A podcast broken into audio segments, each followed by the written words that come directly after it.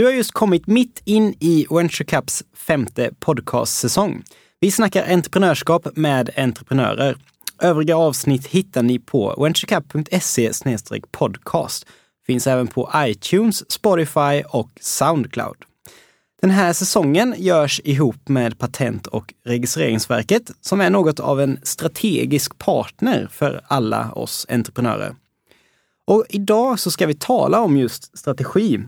Det är ett begrepp, men vi ska försöka att gå igenom alla dess grundstenar genom att titta på affärsplanen. Och för att göra detta så har jag bjudit hit en kvinna som är mentor inom både Connect, Almi och andra välkända organisationer i innovationssystemet.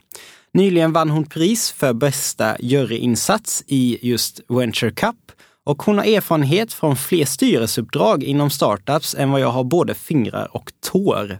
I egenskap av VD för en investerarfond har hon utvärderat otroligt många affärsplaner och strategier. Samtidigt driver hon ett eget bolag och är en av de mest kompetenta entreprenörer jag träffat. Petra Palmgren, tack för att du är här idag! Tackar, tack för att jag fick komma hit.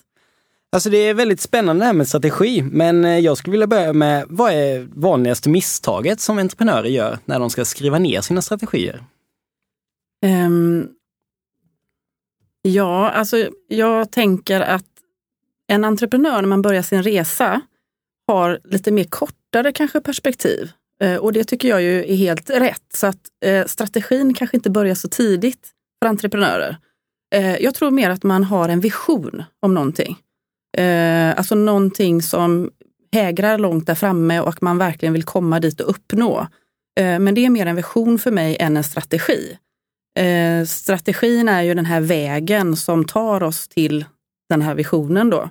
Men jag tycker att det är helt rätt att eh, jobba med de mer korta perspektiven och den här taktiska delen i, i strategin så att säga då, för att komma vidare. då.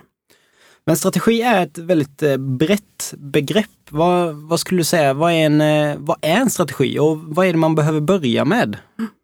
Alltså, jag tänker så här att strategin är ju liksom den här vägen som du behöver ta för att nå ditt övergripande mål eller som din vision. Eh, och den ska ju innehålla målsättningar på olika delar av verksamheten. och sen är det ju frågan om hur du ska ta dig till det målet som är en del utav din strategi. Eh, så det är din plan, eh, din taktik, eh, nedbrytet liksom i tidsperiod och aktiviteter och ansvar och pengar det kostar att genomföra. Och tittar man då på början, när man börjar sitt företagande, då kanske man inte ägnar så där jättemycket tid åt strategi tänket som sådant. Eh, det kanske man tänker kommer lite senare i sitt företagande. Men den strategin som jag tänker att de flesta behö behöver gå igenom, det är den här iterativa processen att eh, försöka nå sina, prata med sina kunder tidigt. Att få feedback från sin marknad på det man håller på med. Det är en strategi i sig. Eh, och att eh, vara väldigt nyfiken på kunderna och inte sitta på kammaren och bygga sina produkter eller tänka på sina koncept eh, och kanske hur man ska bygga sin affärsmodell. Man kan ha en hypotes. Eh, man kan ehm, eh, förbereda sig, men väldigt mycket kortare då. Eh, och sen ut och, och prata med kunder och få feedback. Det är en strategi. Och jag tänker att det är den strategin som om man är nyföretagare eller startup behöver eh, gå igenom. Och det är lite det som lean startup-strategin handlar om. Precis. Vill du berätta lite kort, vad, vad är lean startup för någonting? Och det finns ju massor med människor som är jätteduktiga på detta och det skrivits jättemånga böcker. Och då får jag ju göra det till min grej då, tänker jag. Eh, och det är ju det här eh, jag uppfattar att det här är någonting man har från IT, alltså utveckling av mjukvara. Eh, att man scrummar helt enkelt. Då, va? Eh, det vill säga att man hämtar in information från, från kunder och från marknaden, vad som behövs. Man gör en liten, liten prototyp kan man väl säga. Och det kan man göra med en tjänst, ett koncept. Man kan göra det med, eh, med produkter. Eh, man går ut och visar detta igen för kunder, hämtar hem feedback, kommer hem och ser vad av detta ska vi förändra och ta till oss och göra annorlunda och vad är det vi kanske liksom pausar och, och, och lägger liksom i det här kommer sen-lådan. Då. Eh, och att man då i varje sån här iterativ kort process lär sig nytt och därmed får en ny förädlad produkt som man sedan går ut och frågar om igen. Så det är ett konstant dansande, en tangodans skulle jag vilja säga med kunden och med marknaden.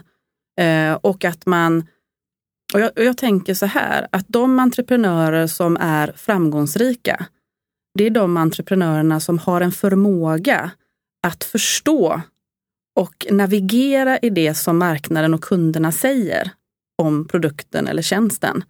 Eh, att, eh, att inte bara eh, tillfredsställa alla kunder. För det är ju inte heller en skalbar eh, modell så att säga, om man nu ska bygga ett skalbart eh, företag. Mm, så, så tänker jag kring lean startup. Det tycker jag låter superintressant, men jag tänker den här tangodansen då som man ska dansa. Det måste vara en balansgång mellan att dansa och lyssna på kunden då, samtidigt som man vill skriva ner det man har lärt sig. Mm. Och jag tänker att dokumentera kan vara ganska bra, eh, men man kan, behöver inte göra det så jätteomständigt så. Eh, och jag tänker att åtminstone de här milstenarna och så kan man väl ändå ha ett dokument där man liksom eh, skriver ner så att säga. Då, va? Eh, men jag tänker att det är frågan om att försöka hitta den här ehm, minsta möjliga, alltså man pratar om minimum viable product. Nu blir det engelska, men, men den här minsta eh, produkten, tjänsten, konceptet som kunden faktiskt vill betala för. Ja, det. det är dit du vill komma. Mm. Någonstans så vill du ju börja sälja din produkt. Och när den är färdig, alltså det här är ju inte enkelt såklart, va? och det är inte helt givet, när händer det där? För ibland kan du ha en kund, eh, en early adapter eller en, en väldigt tidig kund som, som har ett stort behov som kan betala för utveckling eller vill betala för en färdig produkt. Men det är ju inte en mängd. Så, och vad är då en mängd? Eh, och det kan vara otroligt olika för olika bolag såklart. Eh, så att man, man, känner det där lite grann, när börjar det ta, ta fart? Det är ju liksom den här minimum viable product. Eh, då lite grann tänker jag att man kanske då, hur ska jag skala den här produkten? Är du ensam i ditt företag eh, så tänker man så här, ska jag skriva ner någonting? Jag är ju själv. Ehm, ja, är du själv och klarar dig med kundfinansiering så kanske man inte behöver skriva ner så där våldsamt mycket då. Men ska man dela detta med andra, det vill säga jag anställer folk, jag behöver då eh, tala om för de som ska jobba med mig i företaget vad, hur tankarna ser ut. Eh, ska jag kanske gå till banken för pengar eller söka partnerskap eller eh, riskkapital till exempel. Eh, och då efterfrågar de ju mer eller mindre Eh, mycket dokumentation och planer och strategier och så. Men då är det nog ganska bra att börja göra den här första affärsplanen för att tala om hur tänker du eller jag då i bolaget att ta det här som jag nu har upptäckt att folk vill betala för och skala det. Hur ser den resan ut? I min värld och jag tänker att det finns många delar här i en affärsplan mm. som eh, kan också vara bra att tänka igenom. Mm. Och det är en av poängerna med det och det är ofta någonting vi får höra på Venture Cup just att eh, det var otroligt bra att tänka igenom alla olika delar. Mm. Jag vet att du har ett eh, ramverk som vi även använder i Venture Cup mm. eh, som du har hängt upp på väggen där mm. hemma har du berättat för mig. Eh, en business model canvas. Precis. Berätta lite, vad är det för någonting? Ja, alltså, eh, den togs ju fram av en man som heter Alexander Osterwalder, en schweizare, eh, som han gjorde som en avhandling. Och han hade ju sin eh, professor Yves Pigneur som var med i detta. Och ehm, det började för ett antal år sedan och sen har det liksom tagit skruv så att säga. Och jag tror framförallt då inom startup-världen. Jag har ju träffat Alexander ett antal gånger och min uppfattning var i alla fall att han började med, med stora bolag och fick ganska gott gehör för att det här var en enkel modell att eh, få ett gemensamt språk kring affärsmodellen eh, och också ett arbetsverktyg för att både ehm, förklara sin befintliga affärsmodell men också att kunna innovera kring sin affärsmodell internt eller med hjälp av, av andra så att säga. Då. Eh, och eh, den var väldigt komplex från början eh, i hans avhandling, men eh, han jobbade ju också med iterativa processer. Eh, så det slutade med att det blev nio områden kan man säga som man beskriver väldigt, väldigt kortfattat då. Ska vi ta, gå igenom de Ja. nio områdena, Mm. tänker jag, så att vi kör det här ordentligt. Mm. För nu pratar vi alltså om affärsmodellen och den är en del utav affärsplanen. Ja. Och i affärsmodellen då så kan man använda en, en BMC som det förkortas. Mm. Eh, om vi pratar om det viktigaste i den. Mm. Det, det, den brukar ritas upp på ett stort papper och det finns nio olika boxar. Mm. Och i mitten, kärnan, hjärtat av den, så har vi värdeerbjudandet. Mm. Vad 17 är det för något? Vad sjutton är det? Och då, då, då utmanar jag det lite grann. Varför börjar du med den? Ja, jag tänker att det är den som på något sätt beskriver vilket värde jag ska skapa för kunden. Mm. Men om du inte har någon kund, så kanske du inte kan fundera över det. Nej, berätta, var ska vi börja någonstans? Så då tänker jag att man börjar med kunden. Alltså vilka, vilka kundsegment Just eh, tänker jag att jag ska vända mig till med min produkt eller med min tjänst och vilka är det då jag ska skapa värde kring? Så jag brukar faktiskt alltid börja i, i kundlådan så att säga i modellen. Eh, där ska jag beskriva vilka eh, grupper, vilka olika segment av kunder som jag tänker att jag väljer, vänder mig till. Och då är det ju allt den här diskussionen kring vad är en kund? Och där kan man ju tvista om då. Eh, den enk det enkla svaret är, eller ett svar man kan eh, ha, är det är de som betalar någonting till mig för en tjänst eller en produkt. Eh, men jag brukar också säga så här att har du en slutanvändare någonstans som du är beroende utav, då tycker jag att den ska finnas med där också. Eh, för det har med din affärsmodell att göra, även om inte det sker en, en ekonomisk eller monetär transaktion er emellan, så kan man ha den i åtanke. Så jag vill gärna börja där. Men det är perfekt tror jag, för då- kan vi ta det här exemplet som vi har följt under säsongen med en fotodelningsapp. Mm. Som är en vanlig idé som kommer in till Venture Cup. Mm. Och då eh, så ska det vara en app och då är min slutanvändare den som använder appen. Mm. Men kunden, den som betalar, kan också vara de som annonserar i Ja. appen. Då, till exempel. Så då har vi täckt in det. Mm. Vad är nästa ruta vi förflyttar oss till? Ja. Och då kommer vi till värdeerbjudande. Ja. Så att, ja. För då, det, som du säger, det är en, en viktig del utav det här. Och min erfarenhet, jag, vet- jag vet inte hur många gånger jag har kört eh, Business Model Canvas och faciliterat den typen av processer. Men det är säkert ett 200-tal gånger. Eh, och det är så svårt, både för eh, startups men även för mogna bolag, att eh, förstå vad, vad är värde? Eh, man är jätteduktig på att presentera ungefär, det här är våra produkter och tjänster, det här är området. Men sen då att ta det till nästa steg då, det vill säga vad gör de här produkterna och tjänsterna för din kund? Eh, och sätta ord på det. Och sen är man ju duktig då på att eh, och säga, ja men det är billigt. Jaha, är billigt, är det ett värde? Eh, ja, det kan man ju kanske säga att det är då. Men finns det något mer som billigt gör för kunden till exempel då? Eh, och det här uppfattar jag, och det tycker jag själv är ganska svårt, eh, att dra det hela vägen ut till att beskriva det här värdet. Då. Om vi ska ta ett exempel på ett värde då, till exempel den här appen. Eh, skulle ett värde kunna vara att eh, för att vi delar foton snabbt med dina vänner så värdet för dig är att vi sparar tid. Mm. Är det ett utav värdena? Jag förstår att det kommer vara flera. Ja. ja, men jag tänker att det är tid. Eh, jag själv, är det för komplicerat så använder vi ju inte saker och ting. Idag vill vi att saker och ting ska gå väldigt fort. Eh, det ska vara väldigt enkelt. Eh, och enkelt kan man ju också sätta ett värde. Men vad ger enkelhet? Jo, det ger tidsbesparing till exempel.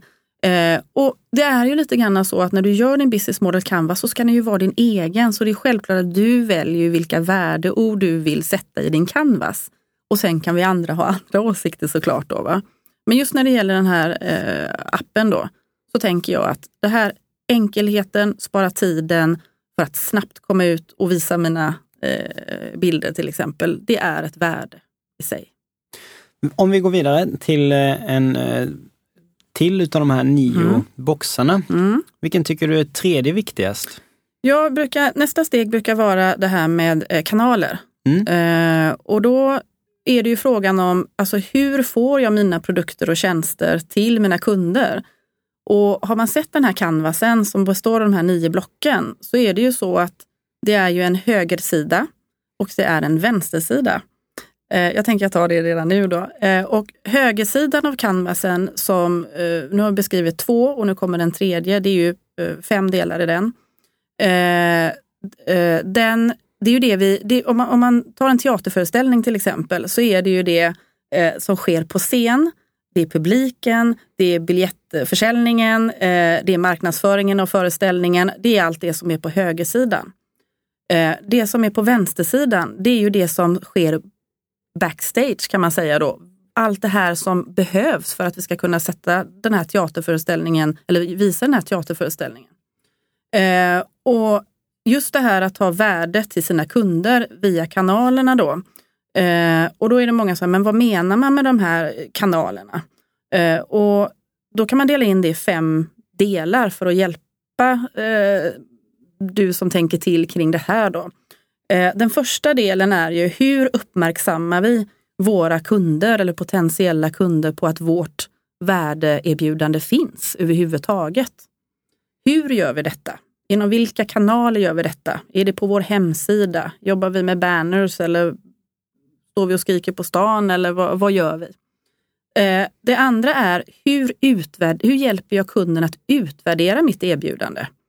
Eh, det vill säga att hur, hur ska jag kunna övertyga då kunden att faktiskt vår tjänst eller vårt värdebjudande är så bra som det är? Och att de kan avgöra att ja, det här är någonting jag behöver eller nej, det är ingenting. Den tredje delen är alltså hur själva köpet går till. Eh, skickar man en, en produkt i en låda? Eh, laddar man ner till exempel en app? Alltså hur sker själva köpet? Vilken kanal använder man för det? Eller kanaler. Eh, och sedan så den fjärde är leverans. Eh, alltså hur levererar vi eh, våra produkter och, och tjänster då? Eh, den sista är hur jobbar vi? Vilka kanaler använder vi för eh, det som är kanske sen efter man har sålt då supporten eller uppföljningen utav kundnöjdhet och att de, att de får det de har beställt, eh, att de använder det på rätt sätt etc. Då. Det, jag tror att ni lyssnare där hemma kan googla på Business Model Canvas. Det finns enormt mycket att läsa om det här och då kan ni också följa med i de här boxarna som vi pratar om. Mm. Eh, om vi ska eh, nämna de boxar som är kvar mm. eh, så finns det även då kundrelationer. Kundrelationer, ja. Eh, och sedan på då vänstersidan av den så handlar det mer om nyckelpartners, vilka samarbeten man har och nyckelaktiviteter, alltså det som vi gör för att skapa värde i bolaget. Och nyckelresurser, mm. vad man behöver i bolaget mm. för att kunna skapa det här värdet. Och så längst ner har vi kostnader och intäkter. Mm. Om vi, om vi liksom flyttar över den här affärsmodellen nu in i affärsplanen. Mm. Eh, vad är det vi behöver mer i affärsplanen? Vad är det vi behöver presentera för att göra ett erbjudande attraktivt eller för att få våra teammedlemmar att förstå idén? Och då tänker jag så här att när man skriver en affärsplan ehm, så bör man tänka på vem det är som ska läsa affärsplanen. För att det lite grann speglar av, inte kanske just vad man ska i det, men liksom vilka delar som man ska fokusera på. Ehm, och då är det så här att eh, vi som läser affärsplaner, oavsett om man är investerare eller om man sitter i venture cap och, och läser affärsplanen, så är ju smaken som baken. Mm. Alltså, vi är så otroligt olika med hur vi, vad vi tycker är viktigt i en affärsplan. Och därför så är det ju, och så är det ju, så, så ser det ju ut. Uh, och därför så är det ju lite svårt också för en, en um, no, någon att skriva en affärsplan. Och det finns massa mallar och, och, och böcker skrivna om detta också.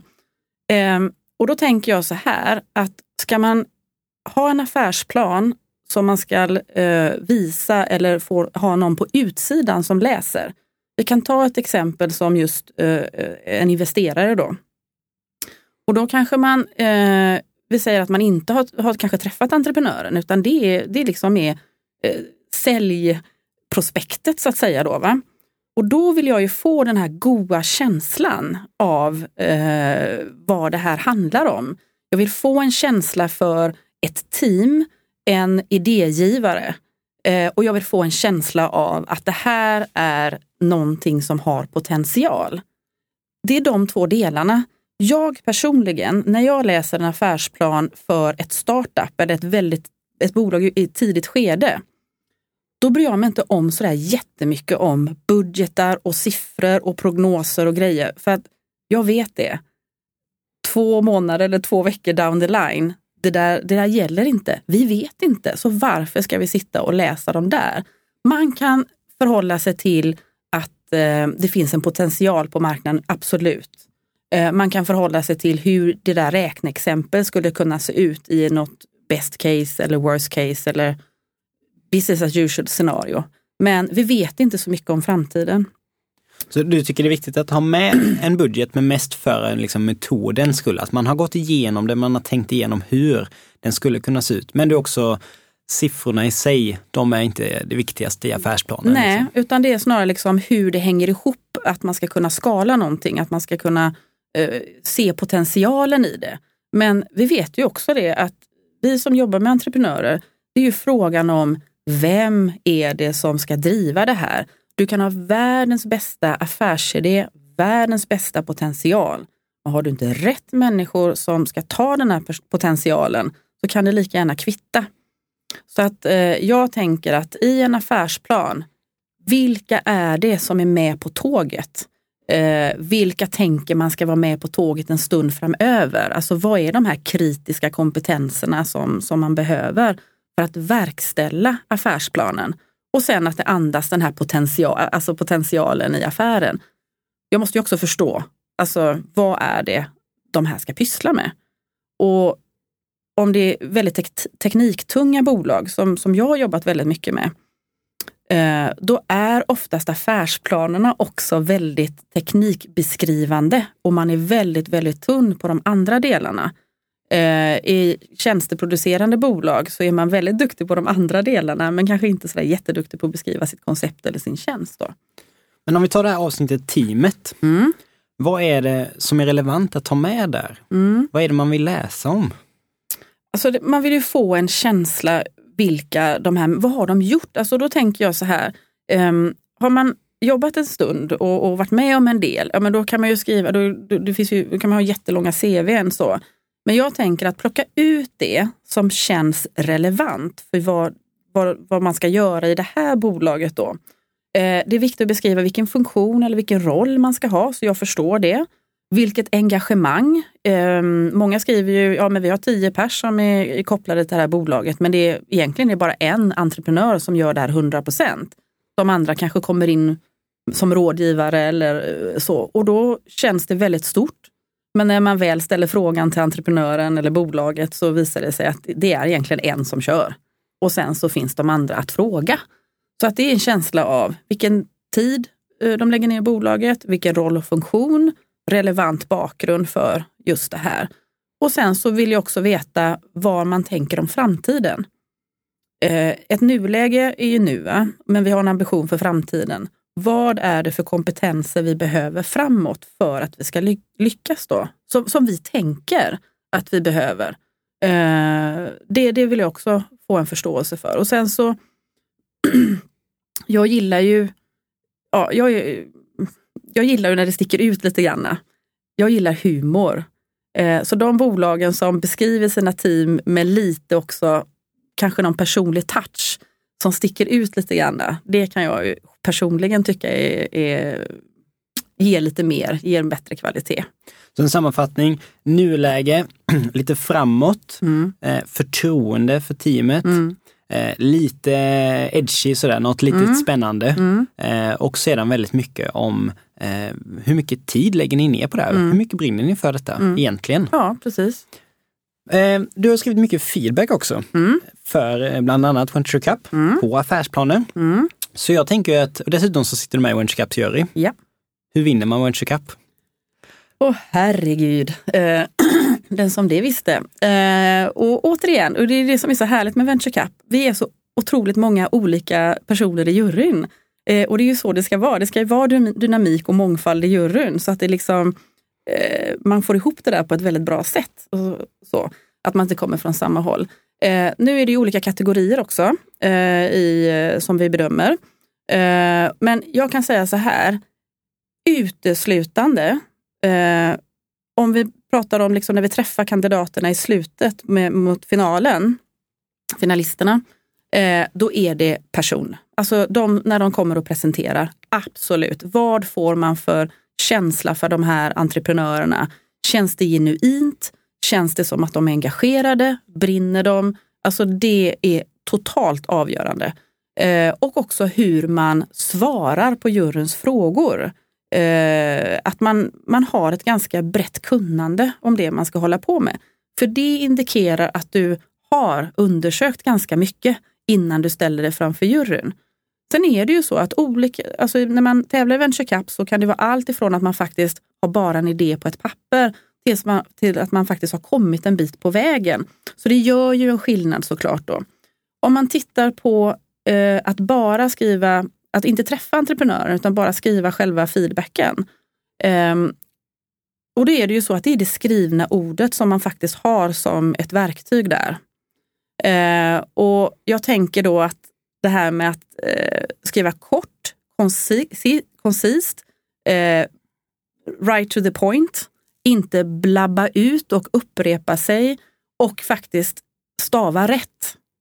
Det, det, det, det, man kan tycka att det känns otroligt orättvist men det är det skrivna ordet i det läget som, som vi faktiskt bara kan ta till oss som, som någon slags forum då, eller media då. Men den ska vara välarbetad helt enkelt. Det är det du säger fast på ett bättre och mer uttryckande sätt. Men den ska liksom, man ska ha tänkt igenom det där. Det är ingenting man skickar in kvällen innan. Nej, men det tycker jag inte. Utan eh, jag, jag har en tanke om hur det där ska gå till såklart. Va? Men eh, nej, man ska eh, ha jobbat igenom och det är återigen det här. Um, har, alltså, affärsplanen måste ge en känsla utav att jag vet vad jag håller på med. Det vill säga att jag eh, har pratat med potentiella kunder. Eh, man känner ganska lätt om folk har googlat saker och ting och bara sammanställer det egentligen, än om de har faktiskt varit ute och pratat med folk som ska vara potentiella köpare eller partners. Eh, det är en stor skillnad. Att få fram det i affärsplanen just i det momentet när vi bara sitter och läser den. Det är otroligt viktigt. Och glöm inte eh, människorna. Att där är det ju också jätteviktigt att försöka att förstå vilket team är det som ska göra detta. Jag har sett affärsplaner i Venture Cap som inte ens innehåller eh, beskrivning av män, människorna. Och för mig då så faller det, för då förstår inte jag. Då kan jag, alltså man kan ju bedöma en affärsidé på, om det är en bra potential då. Men det är ändå någonstans att vi vill ju att det ska vara bärkraftigt och det blir det ju genom att vi har människor som genomför det. Jag tänker att jag ska ta och sätta mig och skriva en affärsplan här nu i veckan för den här appen. Tre mm. tips till mig mm. som jag kan ta med mig. Mm. Och då tänker jag så här att um, um, nu säger du att du ska skriva en affärsplan bara på en vecka. Då tänker jag så här, ja lycka till. Mm. Nej. Men jag tänker så här att du håller ju på med en resa. Eh, du vet att du ska skriva en affärsplan. Och då tänker jag så här att dokumentera. Börja liksom sätta upp rubrikerna så du vet vilka rubriker du ska jobba med. Eh, och sen så sitter du och kanske och skriver eh, några delar i taget och samlar på dig fakta, information, tankar, idéer. Och sen då när du ska börja liksom få fram och, den här liksom färdiga affärsplanen, eh, så börjar ju du rensa, skriva lite bättre meningsuppbyggnad och sådana här saker. Då tänker jag så här, gör versionshantering så att du behåller alla dina versioner som är liksom i alla fall någon, någon, någon, där det skiljer sig från den ena till den andra. När du har kommit fram till det som är den slutgiltiga som du skulle vilja lämna ifrån dig, eh, då tänker jag så här att eh, låt andra läsa den jag tänker ta tre, fem stycken personer och be dem läsa igenom den här. För du är så mitt uppe i skrivandet, du är så otroligt inåtvänd och du har vritt och vänt på varje ord. Men få någon annan att eh, reflektera över det du skriver. Och sen så tänker jag också det här att glöm inte det visuella. Eh, kan du eh, visa saker och ting i eh, bilder, i diagram. Eh, så att läsa en affärsplan som bara är svartvit rakt upp och ner eh, i 30 sidor eller 15 sidor med text. Eh, det är inte säljande. Så man får nästan lite grann tänka så att här är ett, ett säljmoment. Men då har vi alltså rubriker, mm. ramverket, mm. måla upp det direkt, mm. tänk igenom det ordentligt. Det tar oftast mer än en vecka. Ja. Eh, nummer två, låt andra läsa den. Ja. Och nummer tre, tänk på de visuella elementen så att det inte bara är löpande text helt enkelt. Ja. Med de orden så tror jag vi måste ta och ta ett farväl här mm. i, i studion eh, i Göteborg. Eh, vi ska fortsätta resan med er lyssnare. Vi ska besöka Isabella Lövengrip och se hur hon ser på strategi. Häng med! Isabella, på, I dina bolag som du har startat upp, eh, finns det någonting rent strategiskt som du hade gjort annorlunda när du startade idag? Många saker, men en viktig del är väl att i de flesta företag jag startat så har det varit flera delägare. Och någonting som vi har kanske varit eniga är att hur ska företaget drivas år ett? Men, hur, men vart vi ska vara om tre år och om fem år och när vi ska göra en exit. Eh, det har vi liksom inte pratat om riktigt. Så hade vi haft den så kallade superviktiga affärsplanen från början så hade man haft mer gemensam vision och gemensamma mål. Och det tror jag hade underlättat eh, i företagen, att, man, att alla vet vart man ska någonstans. Och det är lite som Petra nämnde att affärsplanen är superviktig när det är någon annan än dig själv som ska ja. sättas in i bolaget. Ja, men jag tror att alla här som har gått UF i skolan, man kommer ihåg hur viktigt det var med den här affärsplanen och man satt där och skrev och skrev och man fattade liksom inte varför. Och det är klart att när man är entreprenör så har man ju idén bäst i sitt eget huvud. Men precis som hon sa, att när man ska ha in fler personer eller någon gång kanske ta in en, en delägare efter några år eller sälja bolaget så måste det alltså, vara väldigt tydligt med vart ska det här företaget någonstans. Men det som, är, det som är sjukt svårt i början här då, det är ju liksom balansgången mellan att gå ut och lyssna på dina kunder och, och göra saker mm. och att sätta sig och skriva saker. Mm. Och som entreprenör så vill du ju gå ut och, och lyssna på dina kunder och sälja. Men det kommer till någon punkt där du liksom måste skriva ner det du får ut av det där.